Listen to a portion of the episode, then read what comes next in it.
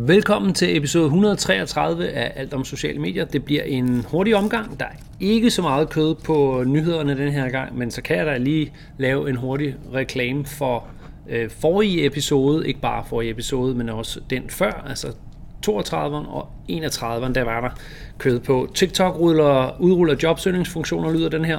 Ny lov om retuschering på sociale medier. TikTok sætter deres teknologi til salg, og WhatsApp vil give dig bedre kvalitet. Jeg hedder Thomas Bigum. Velkommen til. Lad os lige tage dem, og så ellers bare lægge den ned, øh, svarende til, hvor meget kød der ellers er på det. Den lyder sådan der. TikTok udruller en jobsøgningsfunktion. Det gør det i USA, så det bliver sådan lige med lidt mindre gas på end her. Ikke? Det gav anledning til en del rynken på næsen, da TikTok-rygterne tidligere i år gik på, at TikTok var i gang med at udvikle rekrutteringsfunktion. Men rygterne er sande, øh, så nu er TikTok klar med TikTok Resumes. Den nye funktion giver mulighed for at lave videoansøgning. skulle også komme en funktion, der gør det nemmere at matche ansøgere med ledige jobs. TikTok skriver i pressemeddelelse, vi arbejder sammen med udvalgte virksomheder og inviterer jobsøgende til at søge stillinger hos nogle af verdens mest efterspurgte arbejdsgivere. TikTok nævner her blandt andet Shopify, som en af de virksomheder, de samarbejder med. Resumes udruller i USA. Nyhed nummer to. I Norge bliver det nu lovkrav, at man som influencer eller annoncør skal markere, hvis et billede er retuscheret.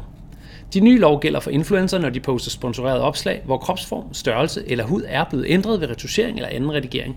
Opslaget skal markeres med mærke designet af det norske uddannelsesministerium. Målet er, ifølge norsk og børnefamilie, den norske børne- og familieminister at bekæmpe, at kæmpe imod udbredelse af urealistiske skønhedsidealer. Således en norsk nyhed. Lad os se, om det når til Danmark. Der kunne vi måske godt se den komme til Danmark. Norge har været fremme og hurtigt fremme på influencer marketing, både i sig selv, men så også i regulering af markedet, og nu altså også regulerer de influencerne i forhold til skønhedsfiltre. Det kunne man godt se for sig danskerne og den danske lovgivning lænede sig op af.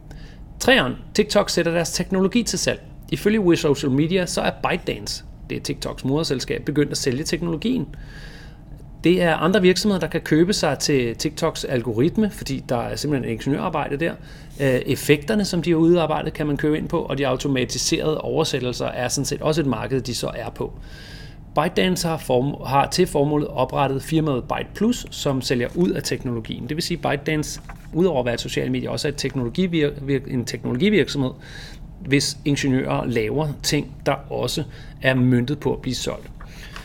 Sidste nyhed. WhatsApp vil give dig bedre kvalitet, når du afsender en video via eksempelvis Messenger eller WhatsApp, til, vil videoen næsten altid fremst, øh, fra, nå frem til modtageren i komprimeret form. Det vil WhatsApp formentlig lave om på. I en fremtidig opdatering af WhatsApp kommer du som bruger til at få mere kontrol over komprimeringen. Du kan blive spurgt, om du vil være i dataspar eller i bedste kvalitetsmål, og hvis du gerne vil have videoen når frem, eventuelt til videre brug, fordi den skal postes på sociale medier, så kan du jo vælge bedste kvalitet.